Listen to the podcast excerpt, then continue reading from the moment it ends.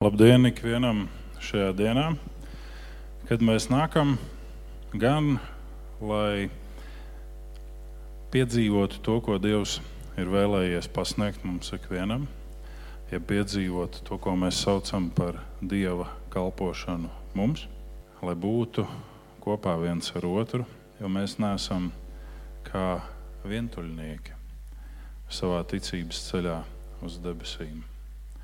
Mēs esam kā daļa no Dieva tautas. Gan tie, kas mēs esam šeit, gan arī tie, kas nevar būt šeit. Mēs esam, lai piedzīvotu to, ko Dievs vēlas mums teikt ikvienam. Un ne tikai kā tādi depozīti, ka Dievs nogulda mūsos savu teikto, bet ka mēs to arī liekam lietā un sekojot Dieva norādēm, ejam ikdienā. Un tādēļ, sākot šo dievkalpojumu, izlūksimies Dieva žēlastību, mūžīgais un nedalāmais. Mēs te lūdzam, lai tu darbojies mūsos katrā, lai tavs spēks mūsu nespējā var varens parādīties lai tavs prieks mūsu skumjās var nest mierinājumu.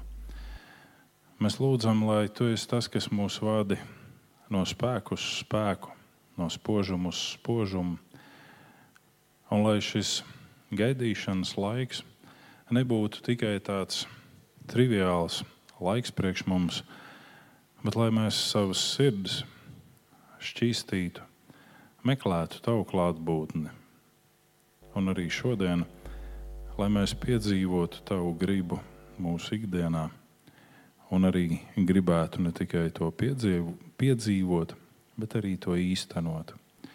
To tev lūdzam Jēzus vārdā. Svetī mūsu ikvienu. Uzrunā tā, ka mēs gribam šķīstīties no ļaunā, un to arī darītu. Uzrunā tā, lai jebkura apsūdzība, kas ir celta pret mums, tiktu atcelta un noraidīta kā nepilnīga un nepatiesa. Svetī mūsu ikvienu.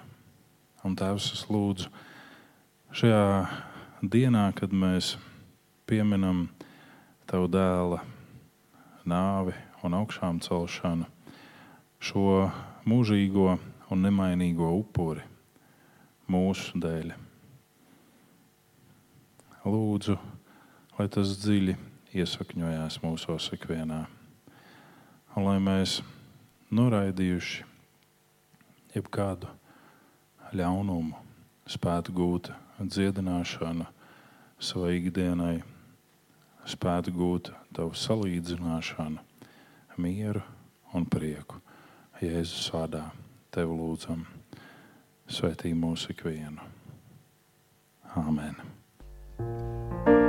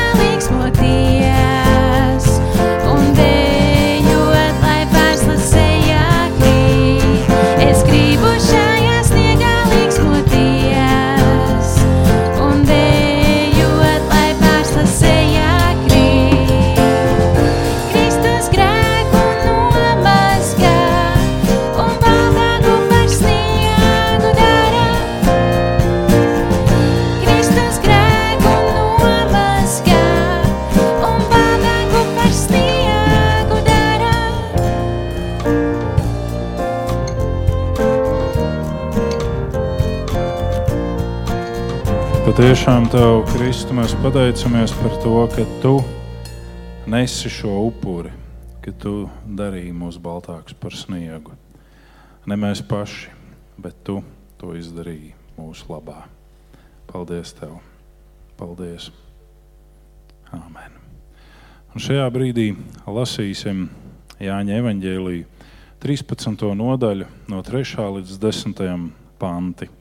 Jāņa evanģēlijas 13. nodaļa, 3 līdz 10.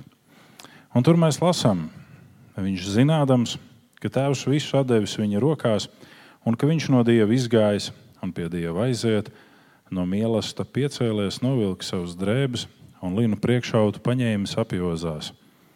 Pēc tam ielēja ūdeni traukā un sāka mazgāt mācekļu kājas un susināja tās ar linu priekšautu ko viņš bija apjozis. Tad viņš atnāca pie Sīmaņa Pētera, un Pēters sacīja viņam: Kungs, tu man mazgāsi kājas? Jēzus atbildēja viņam sacīdams, ko es daru, to tu tagad nezini, bet vēlāk tu to izpratīsi. Pēters sacīja viņam: Tu man nemūžam nemazgās kājas. Jēzus atbildēja viņam: Ja es tev nemazgāšu, tev nebūs daļas ar mani. Sīmans Pēters sacīja viņam: Kungs, nevien manas kājas, bet arī rokas un galvu. Jēzus sacīja viņam, kas mazgājies, tam vajag tikai kājas mazgāt, un viņš būs viss tīrs. Arī jūs esat tīri, bet ne visi. Āmen. Sēdieties. Un šajā brīdī, domājot par vienu no pēdējiem svētā vakarēdiena, dievišķās evaharistijas brīžiem šajā gadā, mēs apstājāmies pie šīs kāju mazgāšanas epizodes. Un tur ir dažas lietas, kuras es jums gribēju līdzdalīt. Pirmkārt, ir šis uzsvērtais vārds zinādams. Zinādams. Jēzus zinādams, ka Tēvs visu ir devis viņam, liek zināmiem procesiem sākties.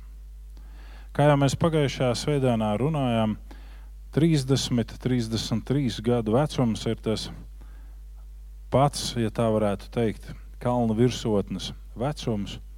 Un Jēzus ir apmēram šajā vecumā, un šis ir brīdis, kad viņš saprot, priekšā ir tikai vēl ģedzamāne un golgāta. Tēvs visu ir nodevis viņam. Mēs nesāksim šobrīd teoloģiski pētīt, kas tad bija Jēzus persona, bet zinādams. Un ko tieši zinādams? Ka viņš ir no tēva nācis un pie tēva viņš atgriežas.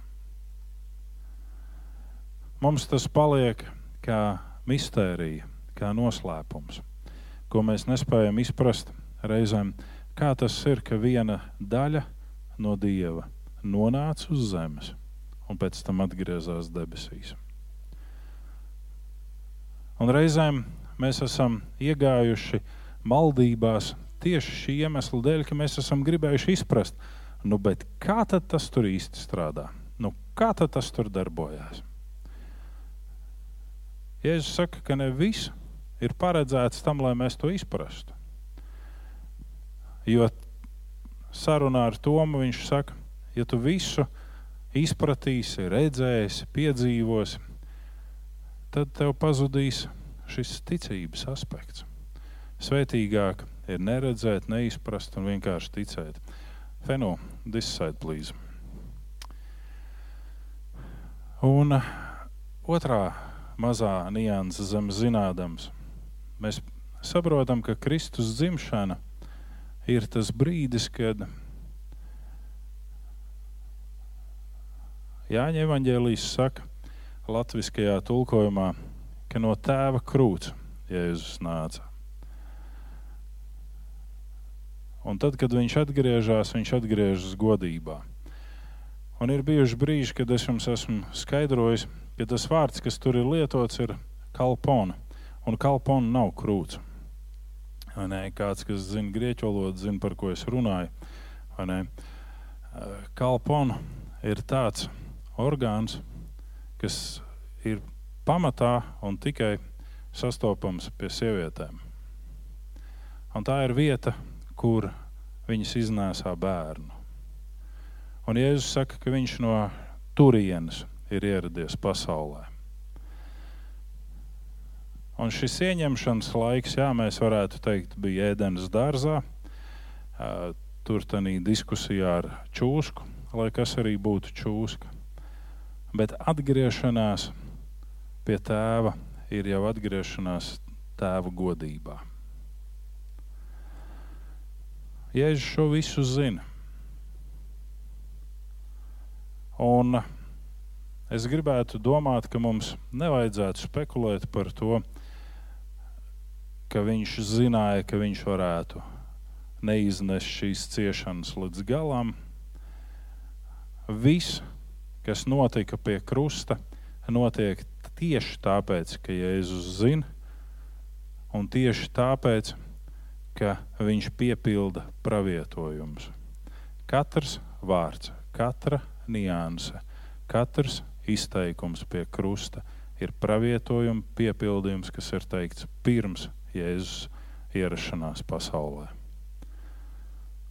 Ar to viņš apstiprina, ka viņš ir kas vairāk kā vienkārši cilvēks. Un tad mēs nonākam pie nākamā lielā, un kas ir piešķirta atdošana. Ko Jēzus dara ar šo kāju mazgāšanas brīdi? Viņš piešķir atdošanu. Mēs ļoti bieži sakam, ka tā kāja mazgāšana ir tāds uzsvērts atdošanas lūgšanas brīdis. Par ko Jēzum bija lūgt atdošanu visiem mācekļiem? Ne par ko. Viņš nebija darījis neko pret mācekļiem sliktu, ko viņam vajadzēja lūgt atdošanu. Un Jēzus saruna ar Pēteru ļoti skaidri norāda, kas notiek.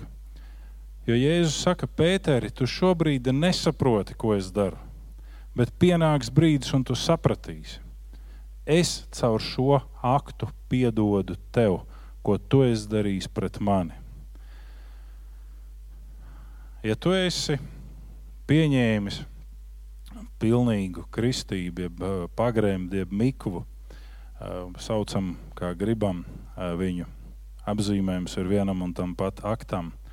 Ja tu esi pieņēmis pilnīgi šo šķīstīšanu, ja Jēzus saka, tad nav nepieciešams vēlreiz tev tikt kristītam. Bet tev ir nepieciešams, ka tavas kājas nomazgā. Ka to ķermeņa daļu, ar kuru tu esi gājis līkloču ceļus, padara šķīstus tos locekļus. Piešķir piedošanu. Jēzus pasniedz šo piedošanu. Un mēs varam teikt, jā, bet kā viņš var pasniegt pirms viņš ir krustā sists? Te nav saistība ar, dieva un cilvēka attiecībām. Te ir saistība ar horizontālajām cilvēks cilvēks attiecībām. Tanī brīdī, kad mēs savstarpēji sāpinam viens otru, un šobrīd netērēsim laiku uz to, ko nozīmē sāpināt vienam otru, bet uh, ir brīži, kuros mēs sāpinam viens otru. Un mēs sakam, jā, bet es jau neko tādu sliktu nedomāju. Es jau negribēju neko tādu. Bet, nu, sanāca tā, kā sanāca, kāds ir sāpināts. Tad mums nav jāizlīferē savam mazajam slinkumiņam un jāsaka, lūkšanā Dievs palīdzi, lai tā persona netur ļaunu prātu uz mani. Un tas ir tas, ko mēs diezgan bieži darām. Bet tas, kas no mums tiek sagaidīts, ir, ka mēs aizējam pie šīs personas un sakām, lūdzu, piedod man. Man patiešām ir žēl. Tas, ko es izdarīju, tas, ko es pateicu, es negribēju tā. Mēs esam reizēm pārsteidzīgi savos vārdos, un šī lūdzu, piedod, man ir žēl, ir tikpat kā austrumu kultūrā šī kāju mazgāšana. Šis pašzemības žests, kāju mazgāšanu vajadzēja veikt kalponēm. Tas nebija, nu, vai sliktākā gadījumā kalpiem, tas nebija nekas cēls un prestižs. Jo, kā mēs zinām, putekļainas, netīras tās kājas saplaisājušas, bet to dara Kristus saviem mācekļiem, to dara Kristus šodien tev un man. Vai mēs ļaujamies viņam mazgāt kājas, vai mēs sakam, neaiztiec? Es negribu, ka tu pieskaries manām kājām. Vai mēs ļaujam, lai viņš patiesi piedod? Lai viņš varētu patiesi piedot, mums ir nevis tā visaptvaroši jāpasaka, nu, piedod man visu, ko es esmu slikti darījis. Bet mums ir jāuzskaita, ko tad mēs gribam, lai mums piedod. Un mazgāšanas brīnums ir tas, ko kā trešo mēs varam redzēt šeit. Jo Jēzus saka, kas ir mazgājies, tam vajag tikai kājas mazgāt, un viņš viss būs tīrs. Nav nepieciešama šī pārgalvība, šī pārvēlme. Nu tad mazgā man vēlreiz no galvas līdz kājām, nu tad dari mani. Nē. Reizēm mums ir vienkāršāk iekāpt vēlreiz kristību ūdeņos. Reizēm mums ir vienkāršāk pat varbūt samaksāt ceļu un aizbraukt uz Palestīnu un iekāpt Jardānā. Bet es jums saku, tas mums neko nelīdz. Ja mūsu šī vēlme un ticība Dievam nav savienojusies ar darbībām, tad tas mums neko nelīdz. Mūsu ticībai un vēlmei ir jāiet roku rokā. Un, un tas parāda to, ka tev ir jānotic tam, ka arī tev ir vajadzīga atdošana. Nevis, ka tu noslēpies aiz šīm skaistajām frāzēm un saki, bet neko tādu jau es darījis nesmu. Nu, lielākais vairums, kad es jūs uzlūkoju, es varu teikt, neviens no jums neko tādu darījis nav. Bet tur ir kādas nianses. Tur ir kādas dusmas, tur ir kāds sarūktinājums, tur ir kāda vārdu maiņa, tur ir kāda darbība spītībā, kur mēs sakām, ah, es darīšu tā, un es zinu, ka viņam tas nepatīk, vai viņai, bet es tā darīšu, es tā teikšu, lai drusku sāp. Ne? Visas šīs lietas. Un tā kā mēs vienā senā dziesmā dziedam, mazas lāsas sakrāja liels ūdeņus, smilšu graudu uzmet augstus kalnājus. Nav jau vajadzīgas mega lietas. Nav jau vajadzīgs, ka visi, kas ir slepkavojuši, nāktu, vai visi, kas ir darījuši milzu zādzības, nāktu. Bet katra šī mazā nianse mūs padara par atšķirtiem no Dieva. Un tas ir pirmais ticības moments. Mums ir jānotic, ka mums ir nepieciešama atdošana. Mēs sakām, jā, bet baznīca jau mūs grib visu laiku padarīt vainīgus. Nemaz jau tik vainīgi mēs neesam. Nē, baznīca grib padarīt ik vienu no jums patiesi ticīgus un vērtīgus.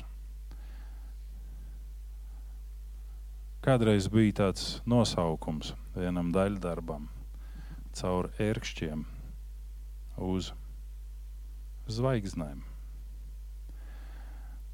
Lai tiktu pie zvaigznēm, ir jāiziet cauri ērkšķiem. Lai mācītos atdošanu un cik laba un patīkama ir atdošana, ir jānonāk situācijās, nevis kur viss ir mierīgi un fini, bet ir jānonāk situācijās, kuras tev vēl vairāk rada spriedzi, lai tu varētu piedot. Lai tu varētu teikt, es tev patiešām piedodu. Kristus mīlestībā es tevi mīlu. Un ne tikai kā skaisti izteiksme. Es gribētu pēc lielās sprādzienu teorijas padarīt jebkuru darbu, kas ir jāveic vai tas būtu galdniecībā, kaut kas jāizveido, vai tas būtu mācībās.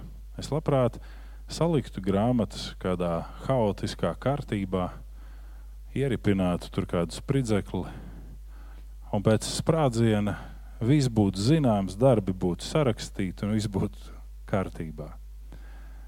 Bet ir jāiet cauri šim procesam. Tās zināšanas ir jāieliek sevī, lai pēc tam tu viņus varētu izlikt uz papīra un nodot tālāk. Es esmu mēģinājis bērnībā šo teoriju, un es jums varu teikt, droši nestrādā. Palikt zem spilvena pa nakti, kamēr tu guli, lai tās zināšanas ierāpjas galvā. Varbūt jums ir fantastisks galvas, bet manējā neuzņem informāciju. Vai nu spilvens man bija pa biezu? Nē, lai Dievs svētī, ka arī šobrīd dziedot nākamo dziesmu un sagatavojot savus sirdis svētiem vakarēdienam, mēs saprotam šo nepieciešamību, ka Dievs zina itin visu. Jo Jēzus zināja, ka viņš ir no tēva un viņš pie tēva atgriežas.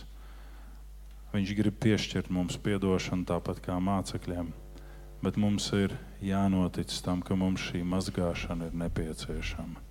Lai Dievs svētī mūsu ikvienu.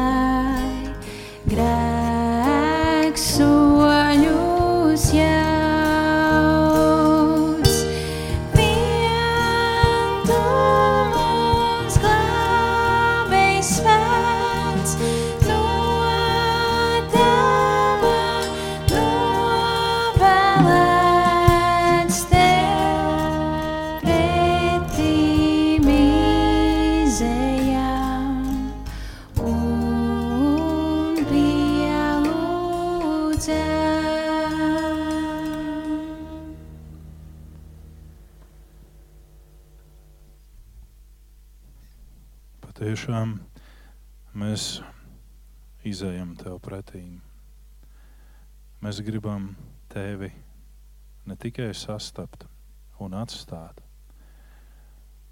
bet mēs gribam palikt tevī. Nedalāmais Dievs. Un turpināt šo dzīvi tevī, Kungs. Lai mēs varētu būt baltāki par sniegu, un lai mēs varētu arī citiem parādīt ceļu pie tevis. Āmen. Āmen. Sēdieties, lūdzu. Tagad laiks mazajiem ziņojumiem. Un sākšu ar tuvāk tālākiem. Šajā svētdienā un nākamajā svētdienā mēs liekam ziedojumus radio Marija traukā arī. Ne tikai draudzes traukā, bet arī Marijas.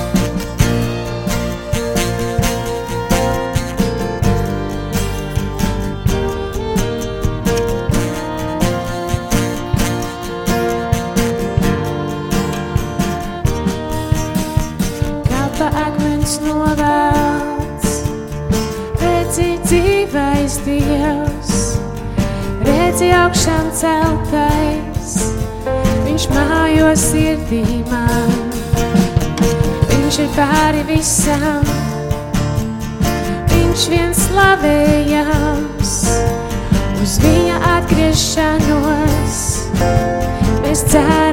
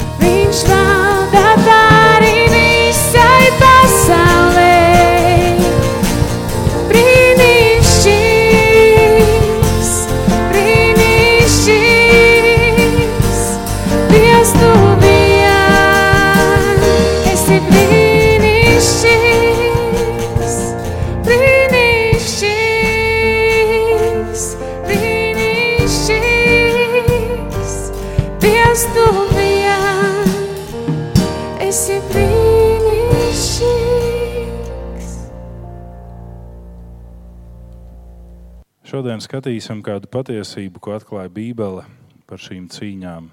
Ceru, ka tādā veidā, kā iepriekš neesam skatījuši šo faktu, ka Kristū notiek polarizācija un cilvēku masas sadalīšana divās daļās.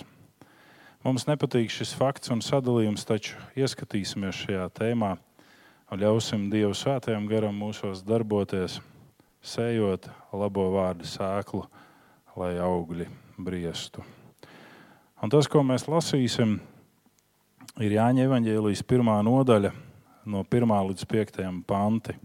Jāņa Evanģēlijas pirmā nodaļa, 1 līdz 5 panti, un kamēr jūs atšķirat un pieceļaties, jūs redzat priekšā laulību bildi.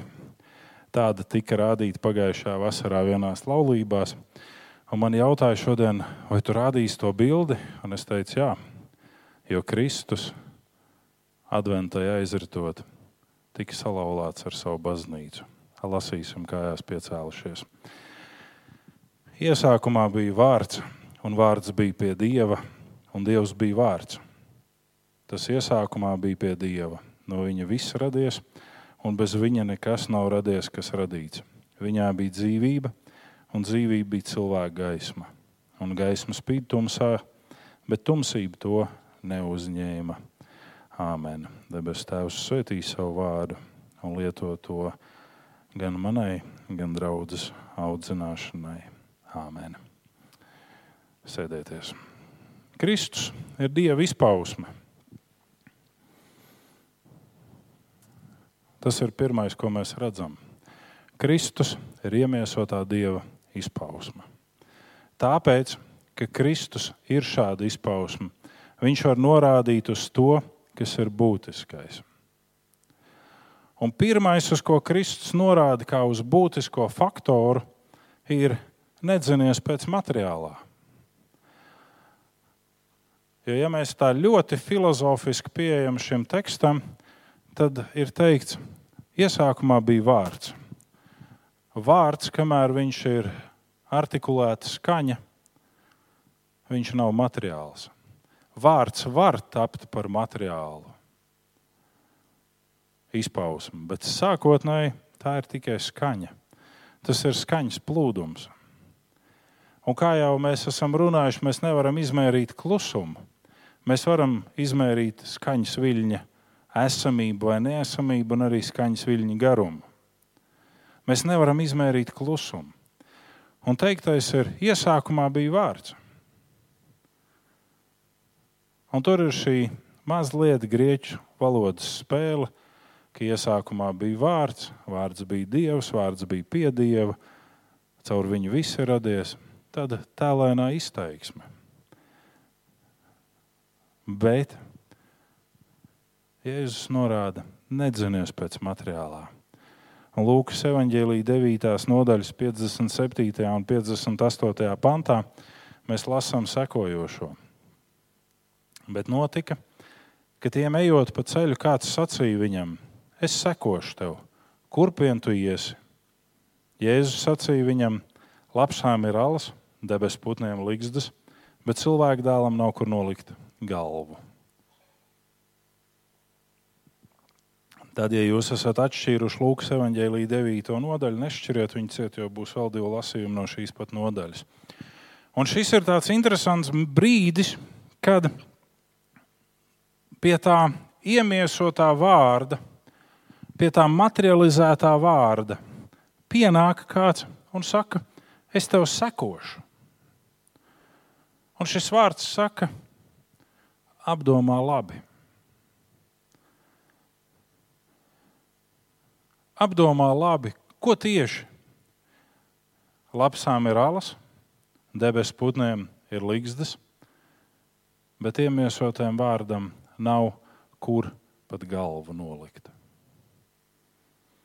Mēs sakām, jā, bet uh, citās raksturvietās ir teikts, ka nāca cilvēki pie viņa un teica, rādi, kungs, kur tu mājo. Un viņš aizved uz kādu māju vietu un rādīja, kur viņš mājo. Un varbūt viss nav nemaz tik traki, kā tu izsaki. Varbūt arī, ka nav. Bet tas, ko es izsaku kā pašu būtiskāko, ir tas, ko Jēzus šeit saka šim cilvēkam. Ja tu gribi sekot man, rēķinies ar to, ka būs brīži, kad tu nebūsi kā niera taukos. Rēķinies ar brīdi, kā Marija, kurai pašai zobens spiežās cauri sirdī. Cilvēki ļoti bieži šodien saka, es gribu būt veiksmīgs, es gribu būt laimīgs, es gribu būt labklājības apņemts. Un ir vesela virkne mācības, kuras saka, soļus, kurus ejot, tu būsi veiksmīgs, tu būsi laimīgs, tev būs maksimāla labklājība. Mēs nerunājam par pārticību, mēs runājam par labklājību. Pastāstiet man, tajos briesmīgajos piedzīvojumos, kāda bija īaba veiksme.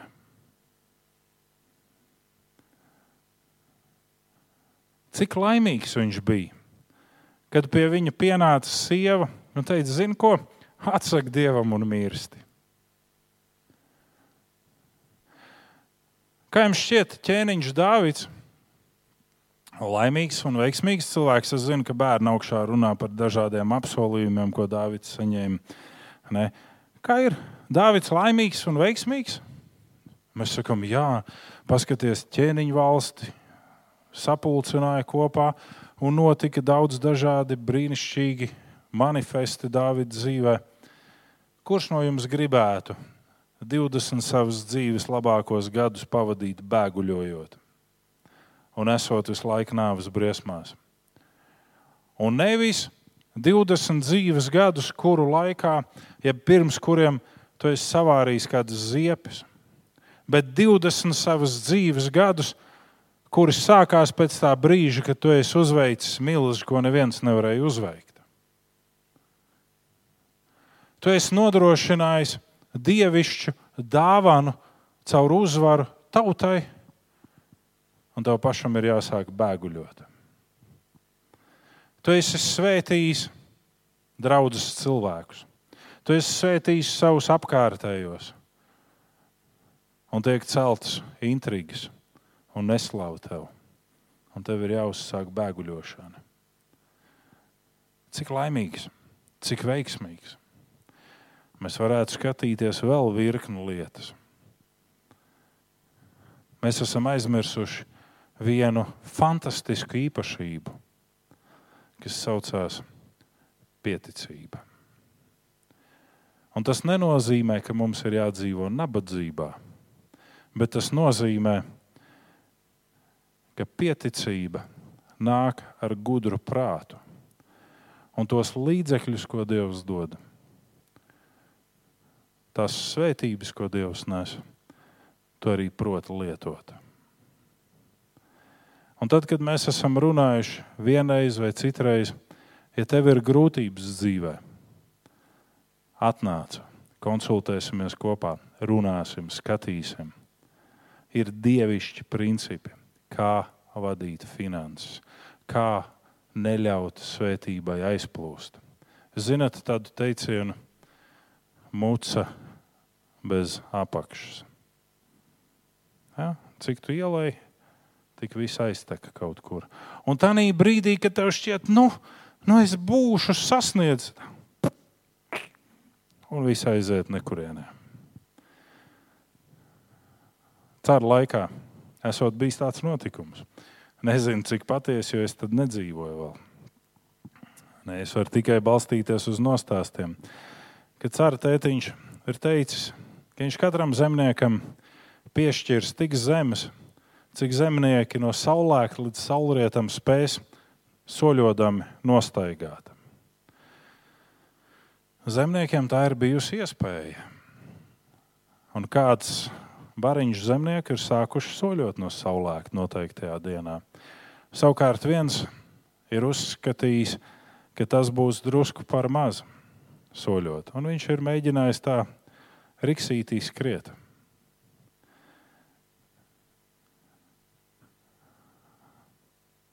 Un tuvojās saulriets. Un šis cilvēks ierauga tādu nelielu, skaistu pļaviņu, kura vēl būtu jānorikšo. Tur zāle tik trekna un tāda. Ah. Un viņš rikšo apkārt šai pļaviņai, lai tā arī būtu viņa teritorija. Un saule riet, un viņš rikšo, un ir pēdējie metri, un pļaviņa būs. Un saule noriet, un puisis saļimst. Viņa sirds nebija plānota tādai slodzei.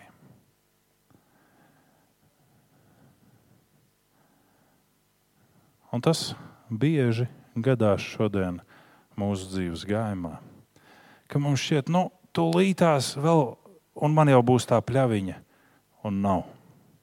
Un kaut kas ienāk mūsu vidū. Kāpēc? Tāpēc, ka ir bijis brīdis, kurā mēs esam neapdomīgi vai nepareizi rīkojušies. Pagājušajā nedēļā es vairākās sarunās teicu to, un iespējams, ka šī ir vienīgā reize, kad es teikšu to publiski. Un es to teikšu pamatu pamatā ar mērķi. Ja tā notiks, tad es jūs esmu brīdinājis. Mans uzdevums ir brīdināt. Un, kā jau es ievadā teicu, reizēm tā sajūta ir tāda, ka jūs varat teikt, nu, ko tā kā tāda bada dzegūs, tu kādu labu ziņu arī var atnest. Vai ne visu laiku kaut ko sliktu, tad mēs esam grēcinieki, tad mēs esam netaisni un, un tad vēl visādas ķibeles. Bet tas ir nopietni.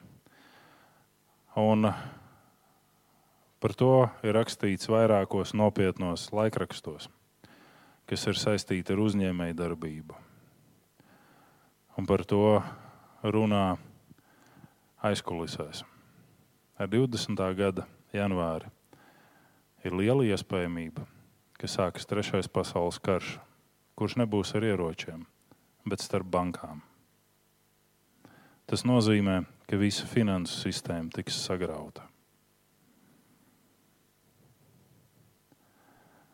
Jūs varat pārbaudīt šo faktu. Tas nav tā, ka es vakarā es nav ko darīju, turbināju degunu, metu puņus pret griestiem, nepielīpu, trāpīju atpakaļ, atnāca atklāsme.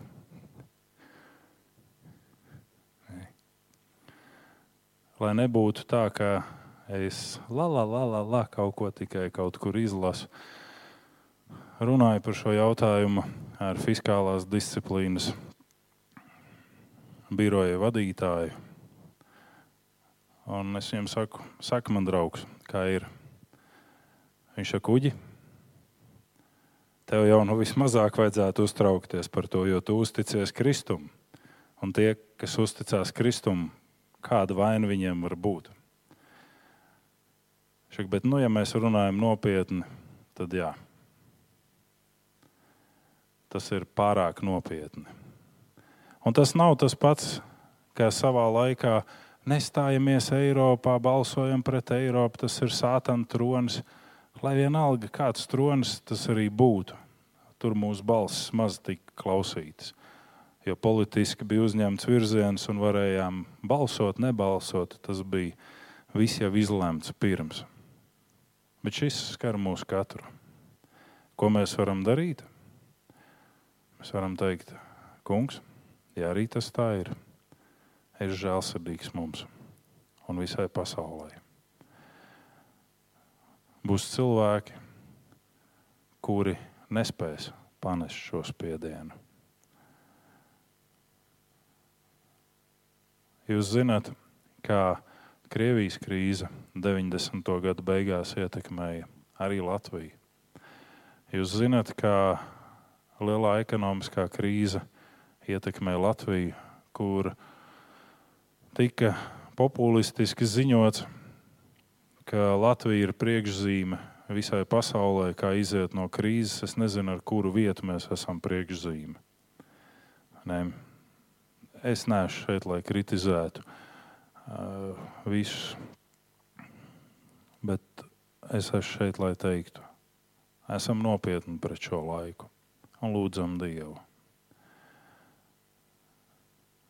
Kāpēc būs šāda laika?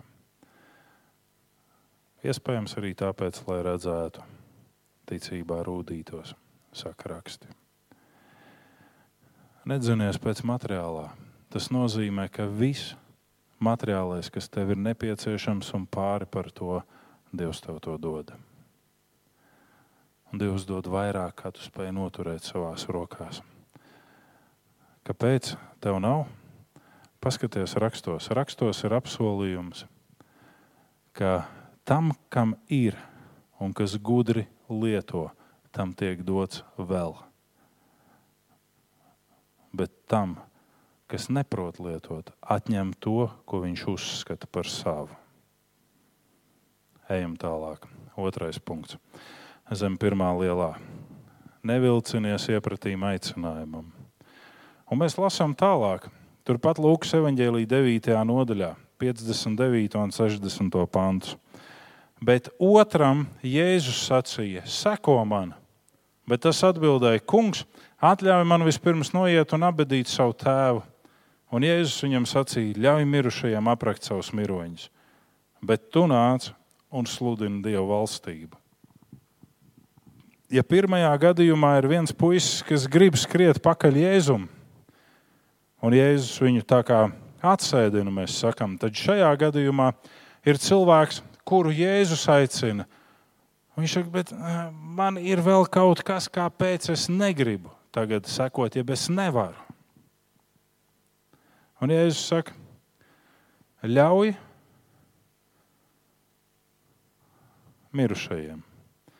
Vai patiešām Jēzus domā, ka kapi atvērsies, kāps ārā sen jau mirušie un apraks nu pat aizgājušo? Nē. Bet Jēzus lieto šo izteiksmu, sakot, ka ir cilvēki, kuriem neinteresē Dieva valstība, un atstāja viņus viņa pulciņos.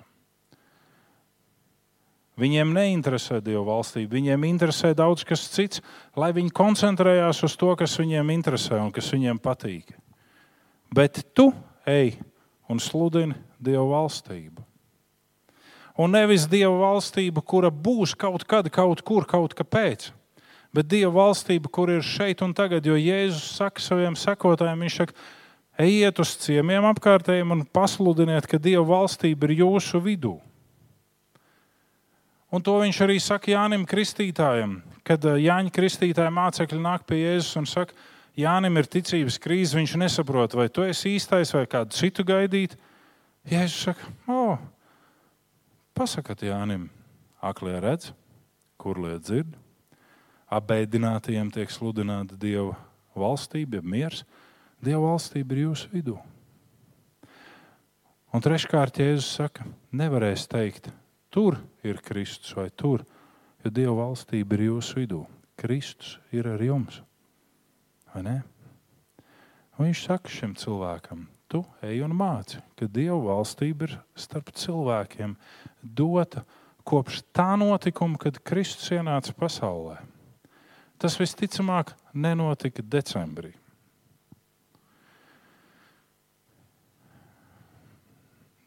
Es teikšu, tam nav starpība. Vai tas notika decembrī, vai tas notika oktobrī, vai tas notika augustā. Fakts ir, ka Jēzus ienāca šai pasaulē. Man kāds cilvēks jautāja, vai šogad nebūs Ziemassvētku dekori. Un es teicu, nē, ne, nebūs, jo draudzene negrib, draudzene nepatīk eglītes, silītes, Kristus bērniņi.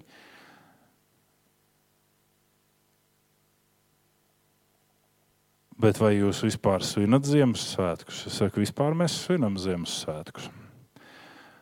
Un kā jūs redzat, žēlsirdībā tomēr dekori ir. Ne? Zvaigznītes, eglītes, nu labi, silīte nav. To mēs uzliksim vēlāk. Ne? Priekšnamā eglīte nebūs. Ne? Nav ko kārdināt tos, kas iet pa ielu garām, ka pie mums ir eglīte. Ne? Bet jebkurā gadījumā būtiskais ir nevis, ka mēs svinam, bet ko mēs svinam. Un tā ir Kristus dzimšana. Un viņa piedzimšana bija ar mērķi. Un viņš par šo mērķi saka, bet tu ej un sludini Dieva valstību. Dieva valstība, kas ir nonākusi iemiesotā dieva formā starp cilvēkiem. Ej un vienkārši sludini visiem apkārtējiem. Un tā tad viņš norāda, nevilcinies iepratīm aicinājumam. Ja mēs lasījām, ka vārds ienāca tumsībā kā gaisma, bet tumsa to neuzņēma. Mēs nonākam pie trešā mazā. Nemeklē attaisnojumus, ja Dievs tevi aicina. Un turpinām Lūkas evanģēlīju lasījumu 61, 62. Un cits sacīja, es sekošu tev, kungs, bet atļauj man vispirms atvadīties no tiem, kas mājās. Jēzus viņam sacīja, neviens, kas savu roku pielicis sarklam un skatās atpakaļ, nav derīgs Dieva valstībai. Un tā ir trešā lieta, ko mēs redzam, jeb kā apstākļi, kuru mēs varam redzēt šajā polarizācijā. Ir cilvēks, kurš tiek atsēdināts ar to, ka visticamāk tavi mērķi sekot man, jeb jēzum, tādā gadījumā, nav tie motīvi, lai paustu Dieva valstību, bet lai ar Dieva spēka palīdzību nodrošinātu sev labklājību. Un Jēzus norāda šo. Viņš saka, lapsām ir alas, putniem ir līgsts, bet es nezinu, kur es šonakt nakšņošu. Un tad, kad mēs skatāmies, tad mēs varam redzēt šo daļu, kur ir vienkāršā bērna ticība un kur Dievs svētī draugus, individus dažādi. Un tad, kad šīs draudzes, jeb šie individi top apaļi no tās svētības, tad viņi aizmirst Dievu. Un tad sākās tas, ko pārmet baznīcai, ka baznīca kļūst par tādu biznesa vietu.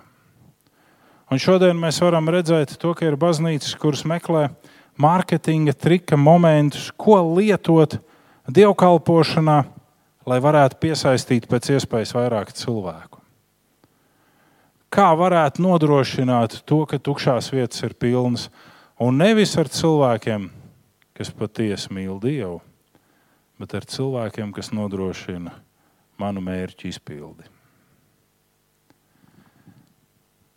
Un šeit ir kāds, kurš dzirdējis pirmo un otro notikumu, saka, labi, Jēzu, es tev sekošu, es būšu tas labais, bet bet nogalina visu iepriekš teikto.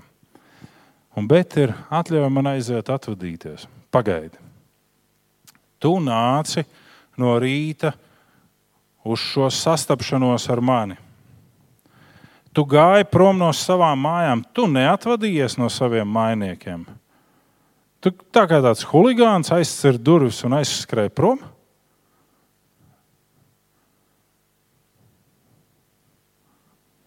Ļoti interesanti, vai ne? Kāpēc tev vajag atgriezties mājās? Es nezinu, ko šī sekošana tev varēs izprovocēt manī, bet uh, es gribu pabrīdināt savus mainiekus. Ja nu kas, es sekoju Jēzum, nemeklējiet mani. Jēzus saka, nē.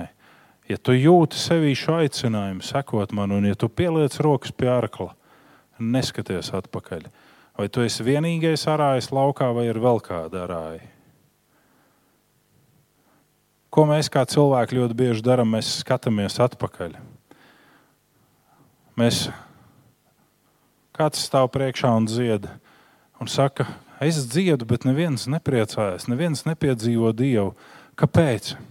Kāds runā šeit priekšā un saka, es, es mēģinu visu sevi izlikt, un neviens neatsaucās tam, ko es saku.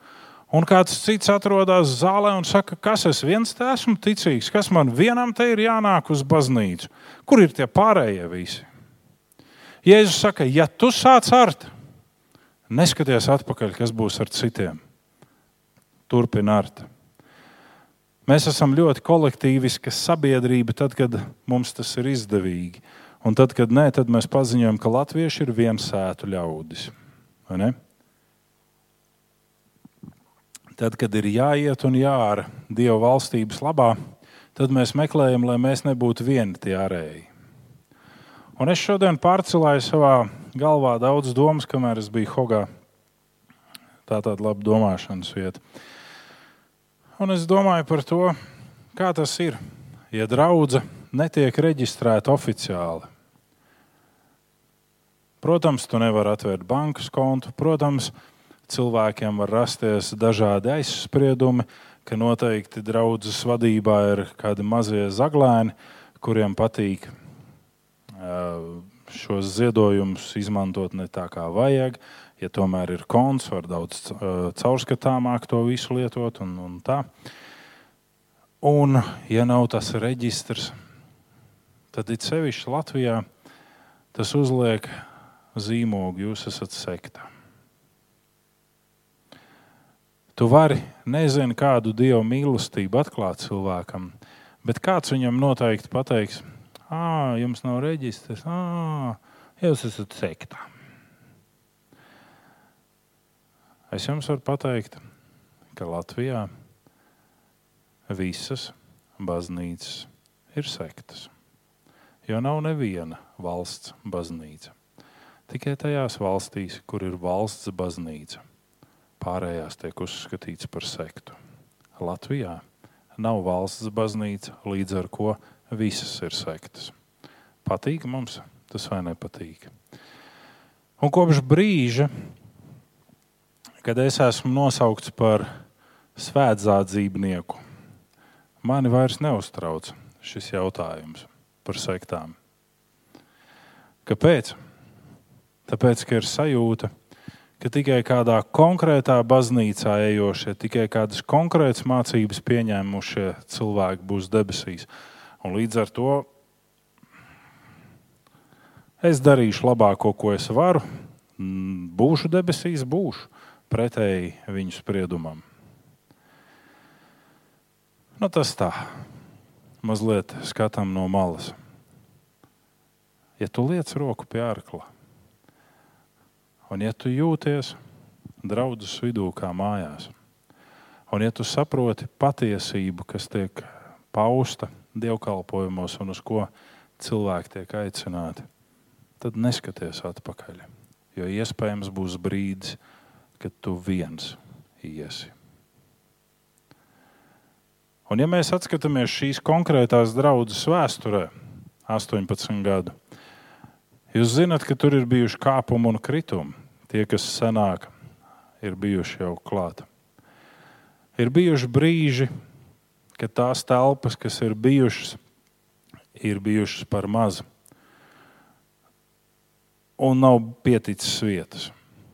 Un tad ir bijuši brīži, kad uh, es ar savu ģimeni un reizēm es viens pats esmu vienīgais.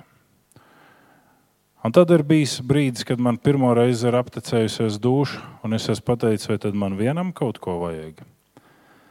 Un ir uz kādu laiku bijis pārtraukums. Un tad ir bijis vēlreiz tāds pats cikls, kad jā, vajag, ejam, darām, un tad ir bijis pārtraukums. Un tad ir bijis trešais vilnis un trešais pārtraukums. Tad 2015. gada 10. oktobrī kad sākām svētdienas kalpošanu, ir bijušas svētdienas, kad mēs esam, mana ģimene un vēl divi, trīs. Un ir bijuši cilvēki, kas saka, kur ir tavi vecāki? A, kāpēc viņi nav? Kāpēc viņi nenāk atbalstīt tevi? Tad ir bijis brīdis, kad viņi ir sapratuši par savu pilsoņu pienākumu atbalstīt. Okay. Ir bijuši brīži, kad saka, kur ir tie, a, kur ir tie, a, kāpēc man ir jāiet katru svētdienu, a citi nenāk. Un ir bijušas situācijas, kur cilvēks pasakā, nu, tu saproti, es jau nebūšu tāds, kurš var nākt katru svētdienu. Bet par nelaimi vai laimi šie cilvēki ir praktiski 99,5% katru svētdienu. Kāpēc ir tā? Tāpēc, ka bija brīdis, kad Dievs teica, ir jāiet un ejam. Un neskaties uz to, vai tur ir pieci cilvēki, vai tur nav neviena. Ja tu esi uzsācis, to, uz ko tu esi aicināts, tad līdz uzvarai. Un uzvara var būt vai nu, kad cilvēki sāk nākt, vai nu, ka Dievs saka, tu esi labs, uzticīgs, nāc mājās. Nē. Nemeklē attaisnojumus, ja Dievs tev aicina. Un Dievs mūs katru aicina. Un mēs piedzīvojam to, ka Dievs svētī, gan kad mēs svinam desmito tiesu, gan kad mēs dodam labprātīgi no sevis brīžos, kad Dievs mūs aicina.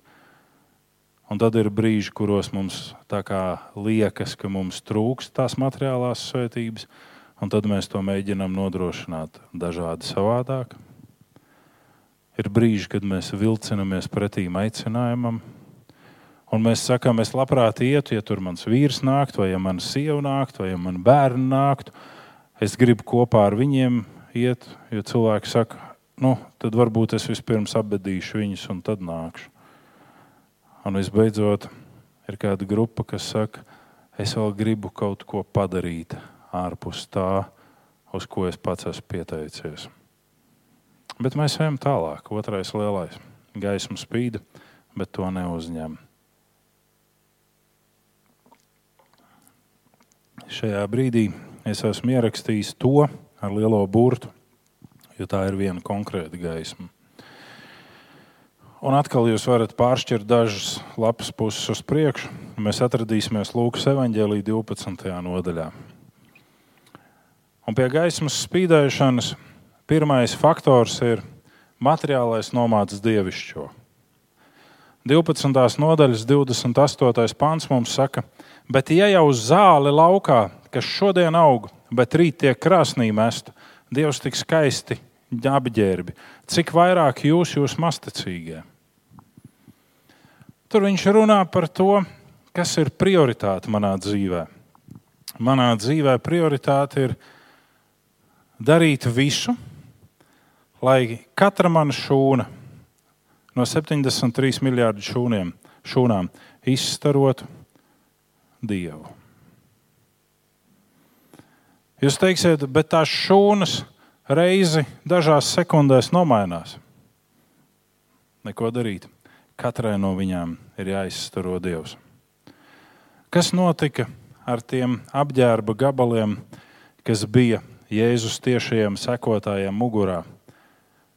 Ir teikts, ka pat viņu apģērbus uzlika slimajiem, tie kļuva veseli tur bija palikusi šī noārdījusies epiderma. Ne? Un šī epiderma izstaro dievu. Tavai ādai, tavai būtībai ir jāizstaro dievs. Un Jēzus saka, pirmais, par ko rūpējies, ir par savām attiecībām ar Dievu. Un tad ir cilvēki, kas saka, vai tad patiešām mums visiem kristiešiem ir jākļūst sliņķiem? Un man atbild jums ir, vai es jums kaut vienu reizi esmu rādījis tādu piemēru. Ka es sēdētu zem ābeles, urbinātu degunu un gaidītu, kad ābola krīt man uz galvas. Nē, dari tik, cik tu vari. Dari tur, kur tu vari. Bet dari saskaņā ar Dievu. Es zinu cilvēkus mūsu vidū, kuri oficiāli skaitās pensijā, bet viņi turpina darīt. Viņi turpina iet, viņi turpina strādāt. Un nevis viņu darbs ir piebāzt kabatas ar maizes drumslām un iziet pabarot baložus parkā, bet viņi iet uz darbu, viņi strādā. Viņi varētu atpūsties, bet viņi iet un strādā, un viņi ir piemērs mums katram. It sevišķi tiem, kuriem patīk čīkstēt par darba smagumu. Bet tajā brīdī, kad tev ir izvēles iespēja, vai strādāt dienā, kur tu gribi veltīt dievam, vai nē, tad tev pašam ir jāizvēlās, kam tu sekosi. Jo Jēzus saka, šī diena nepapildinās tavu bankas kontu ar tādiem līdzekļiem, ka tu varētu visu atlikušo mūžu nestrādāt vairs. Bet tavs nogurums pieaugs un pieaugs proporcionāli daudz spēcīgākā progresijā.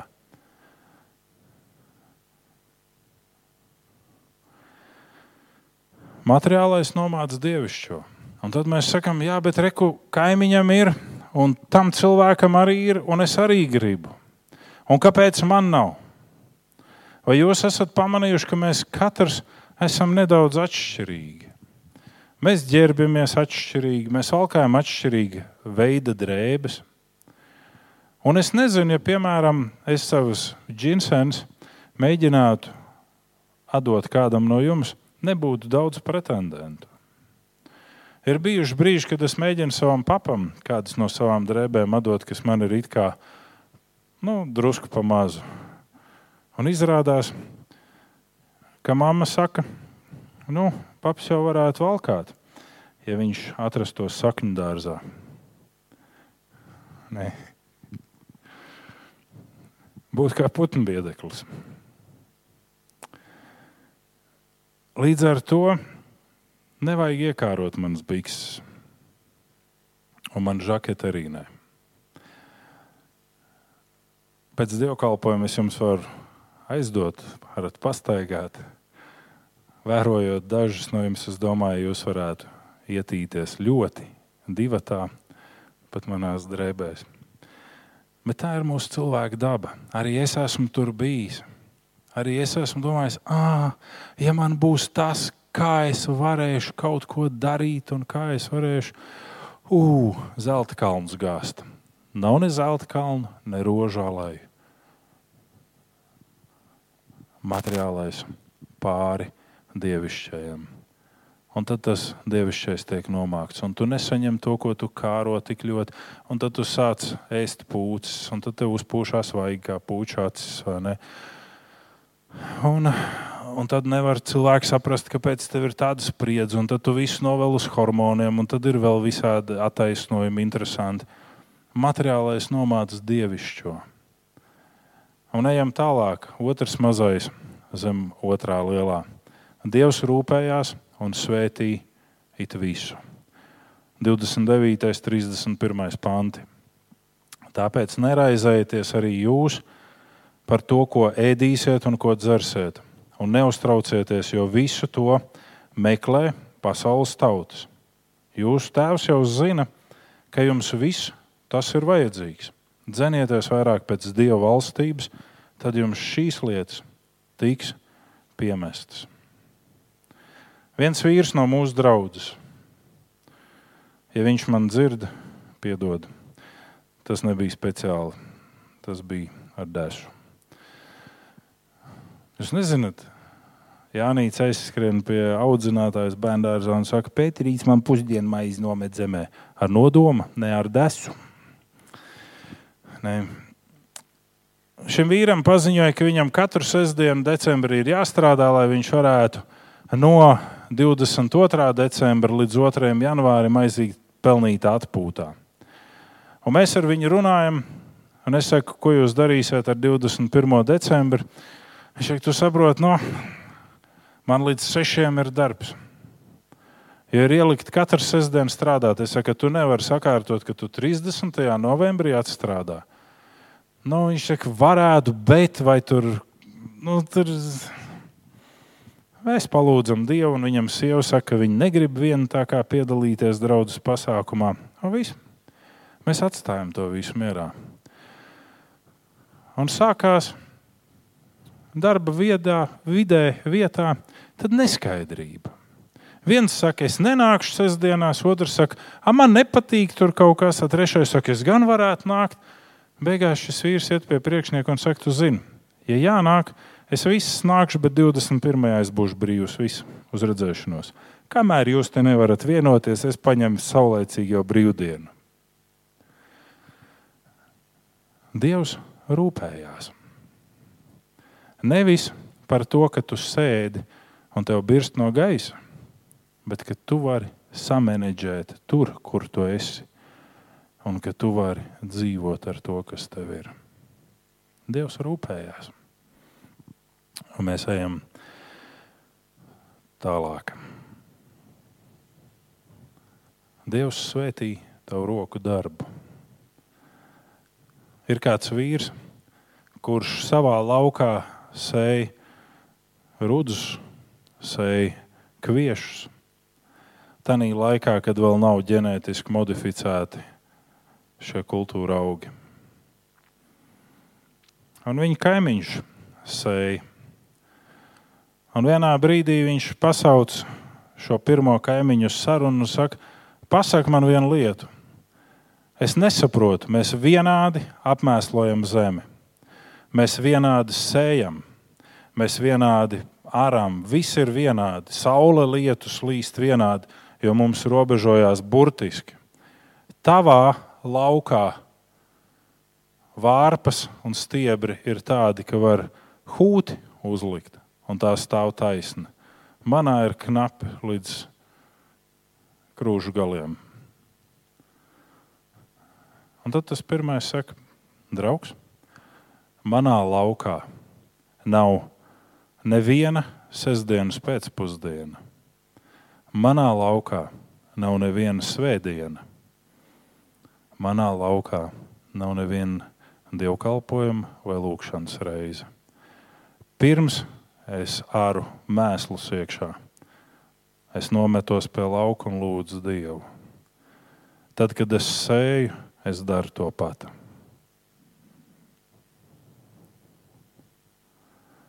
Mēs teiksim, tas ir tāds atpalicības paraugs līdz brīdim, kad mēs redzam šo svētību. Līdz brīdim, kad mēs redzam, ka tie principi, kurus mēs ievērojam, nes augļus ne tikai šeit zemišķi, bet arī mūžībā.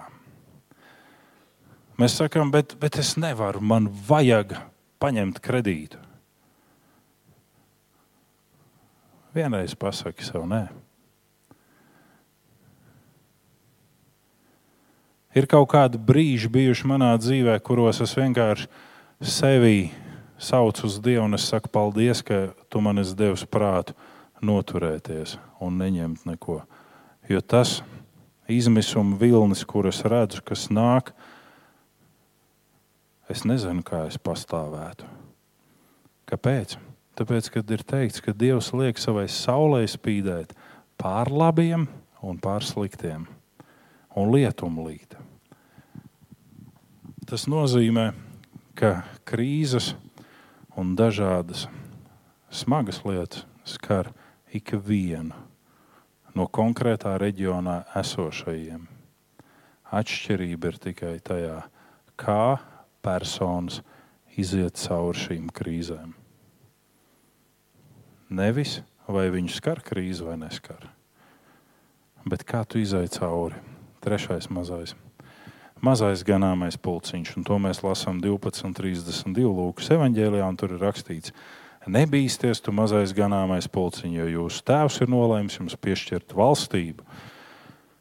Un mazais pulciņš nav, lai laizītu pašu sev vātis, bet lai drosmīgi izgaismotu visu ap sevi. Tad, kad tu tiec aicināts pievienoties mazajam pulciņam, tad zini, ka šī ir tava izvēles situācija, par ko mēs runājām iepriekšējā daļā pie aicinājumiem. Tāpēc arī tiek norādīts, ka gaisma ir likta lukturī, pilsēta ir celta uz kalna, un aicinājums skan vēl šodien. Bet brīdī, kad tiek sadalīta pasaule, to izdara izvēle cilvēka brīvā izvēle un griba. Cilvēka brīvā izvēle un griba ir tā, kas tevi pievieno pie mazā pulciņa vai nē. Aizvadītajā nedēļā man bija kāda saruna, kurā tika teikts, bet tādi īsti darba rūķi manā profesijā ir ļoti mazi. Ir tādi, kas peld pa virsmu Es jums to varu apliecināt pilnīgi un noteikti. Ja jūs esat Dievam, Kristum ticīgi, vienalga, ko jūs strādājat, tas, ko jūs darat, jums ir jādara vislabāk. Ja jūs esat skolotāji, ārsti, medmāsas, inženieri, uh, ainavu noformētāji, lai vai kas jūs būtu, jums ir jādara visperfektāk. Un jūs būsiet pievienot pie mazā pulciņa. Un jūs sapratīsiet, ka citi skolotāji vai audzinātāji vai ainavu noformētāji atstāja kaut ko nepadarītu, nepievērš kaut kam uzmanību. Jūs sakat, es tā nevaru. Jūs zināt, tautas daļu literatūru, kukažiņa. Viņa teica, es nevaru atstāt tos stiklus uz ceļa. Bērns skries un sagriezīs kājiņas. Tev, tantiņ, nav stīva mugura. Tu tā vari mierīgi noliekties. Nē, man ir stīva mugura, bet es nevaru. Un jūs redzat to, ka kukažiņas nav pārāk daudz mūsu sabiedrībā. Mazais ganāmais pulciņš. Tur ir mazais ganāmais pulciņš ar skolotājiem, tur ir mazais ganāmais pulciņš ar direktoriem, inženieriem, ainavu noformētājiem, tramvajniekiem. Ir mazais ganāmais pulciņš, kuri uzskata savādāk nekā lielākā masa. Un ir mazais ganāmais pulciņš kristum ticīgo. Ne visi, kas sevi sauc par piederīgu draugai vai par konkrētu ceļa gājēju, sasniegs ceļa mērķi. Tikai tie, kas būs gājuši pa ceļu. Aizvakar sastapu informāciju par to ļoti strīdīgu objektu, kas saucās Rail Baltica. Ka ir uzbūvēts šaursliežu dzelzceļš Lietuvā līdz Kaunijai. Tas Rail Baltica ietvaros it kā.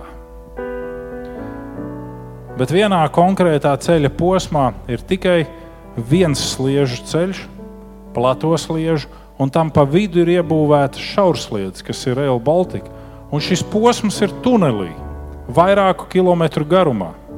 Tas nozīmē, ka no Vācijas, no Berlīnas, vilciens ar ātrumu 320 km/h sasniedz Kaunu. Nu, tur četrās stundās. Un tad viņš stāv pusstundu un mašīnas turbina degunu un gaida, kamēr prečinieks iziet cauri tunelim. Jo viņš netiek cauri tunelim. Vai tu ej pa pareizo ceļu, vai tu pareizi esi izvietojis sliedes, pa kurām tu ej? Vai tu uz pareizām sliedēm skaties, kad tu ej? Mazais ganāmais pulciņš. Un tas nav par to, lai mēs sev mierinātu, ah, mēs jau nekad vairāk nebūsim. Nē, bet tad, ja tu gribi iet pareizi, tad nebūs daudzi, kas grib iet pareizi. Un iespējams, pat kādos brīžos tiem, kuri negrib iet pareizi, veiksies labāk kā tev.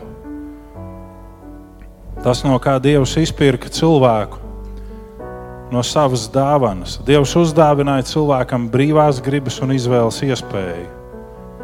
Mēs gribētu teikt, ka no sātana vai no grēka, bet tikai no apsūdzībām.